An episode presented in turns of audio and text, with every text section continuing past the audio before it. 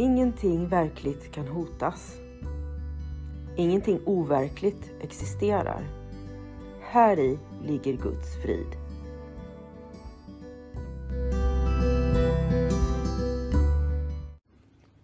Mitt namn är Magdalena Wiklund och den här podden handlar om hur jag fann frid. Allting har sin grund i Helen Schuckmans uppenbarelser då Jesus dikterade det som sedan skulle bli boken en kurs i mirakler för henne. Jag kommer att referera både till kursen och till Bibeln eftersom Helen fick så mycket förklarat för sig av Jesus om hur vi egentligen bör tolka Bibeln.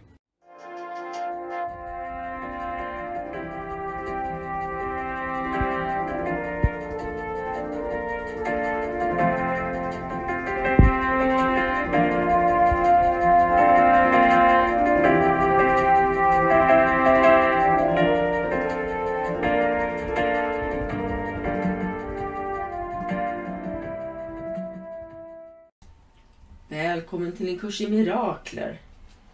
Idag läser vi ur Bibeln och kursen och tolkar genom kursens ögon.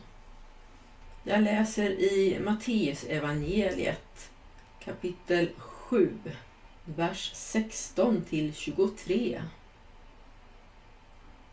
Av deras frukt skolen ni känna dem.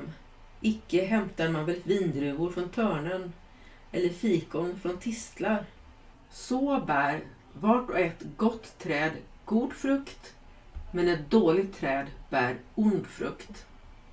Ett gott träd kan icke bära ond frukt, ej heller kan ett dåligt träd bära god frukt. Vart träd som icke bär god frukt bliver avhugget och kastat i elden.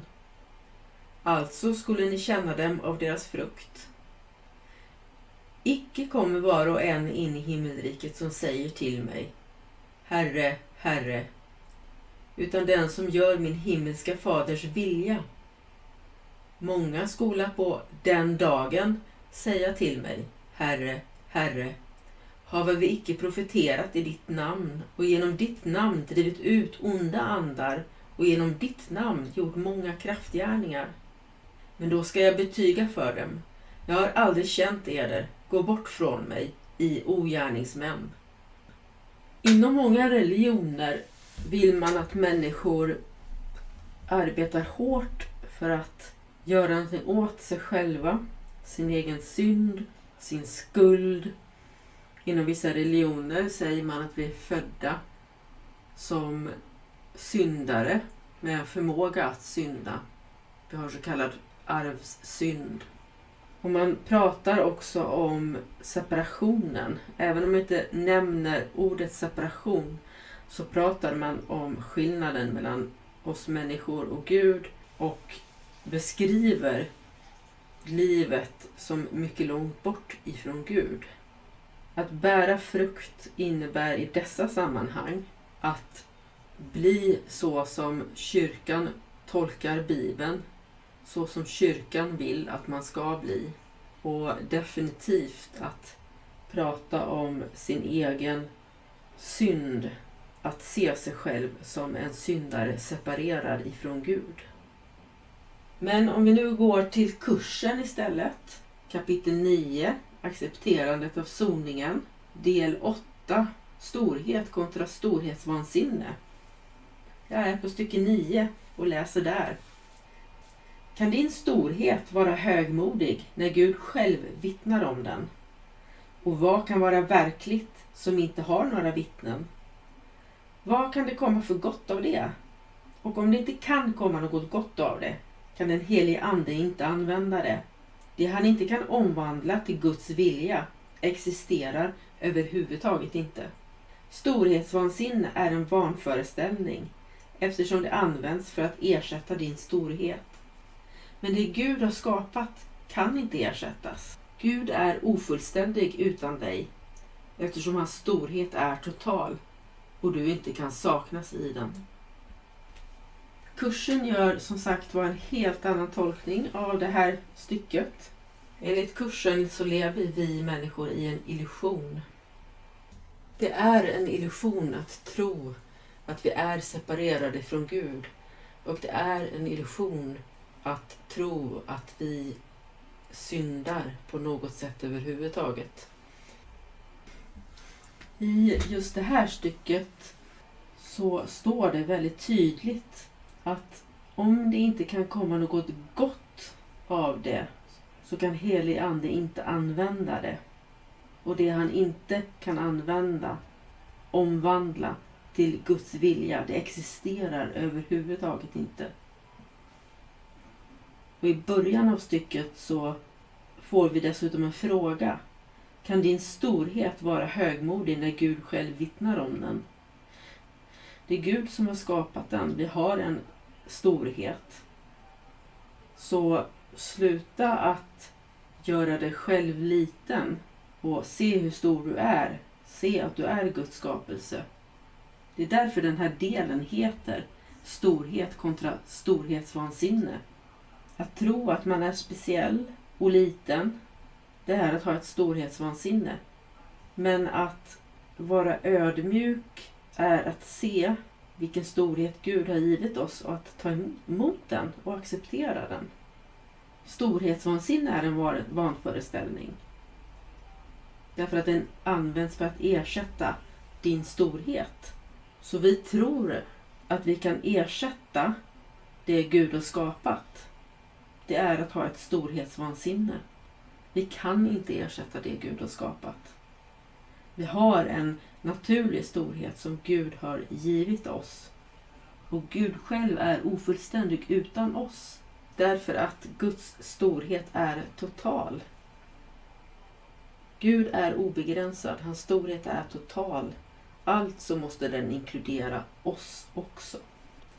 Enligt kursen så gör heliga Ande allting som vi har förvrängt i våran värld till någon form av nytta. Heliga Ande kan alltså använda det. Och om man inte kan använda det så betyder det att det inte existerar överhuvudtaget. Och den här tolkningen den har ett nära samband med sammanfattningen av kursen i sin helhet. I början av varje poddavsnitt så läser jag Ingenting verkligt kan hotas. Ingenting overkligt existerar.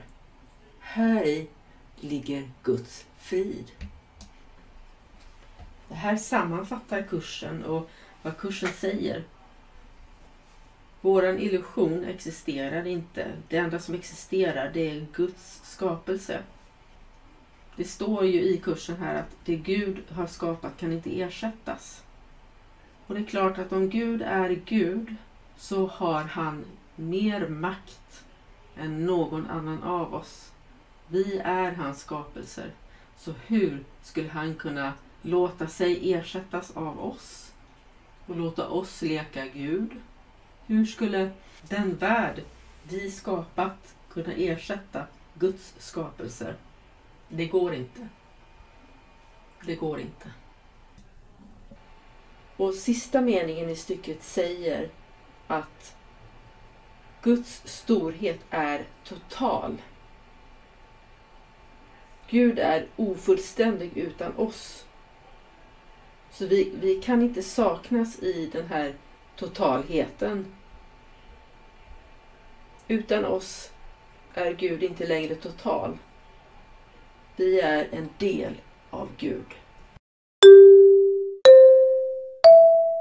Och nu så vill jag göra en liten annonsering.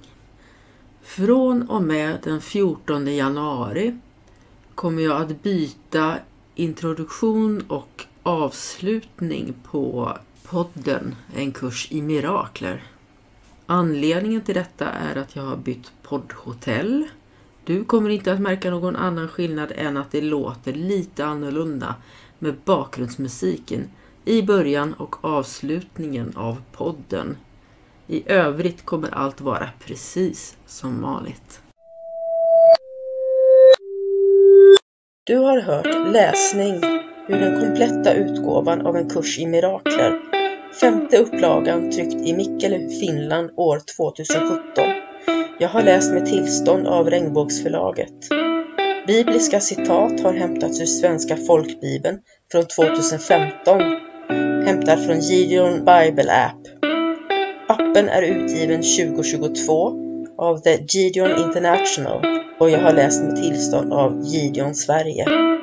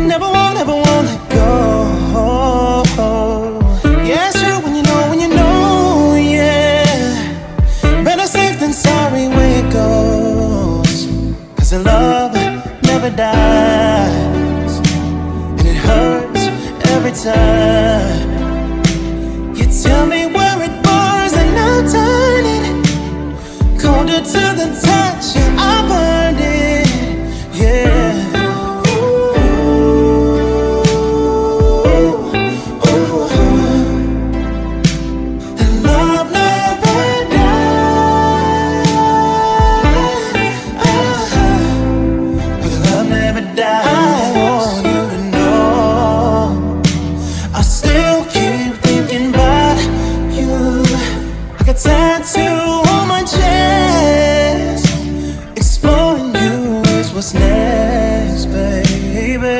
Call it day travel, I remember.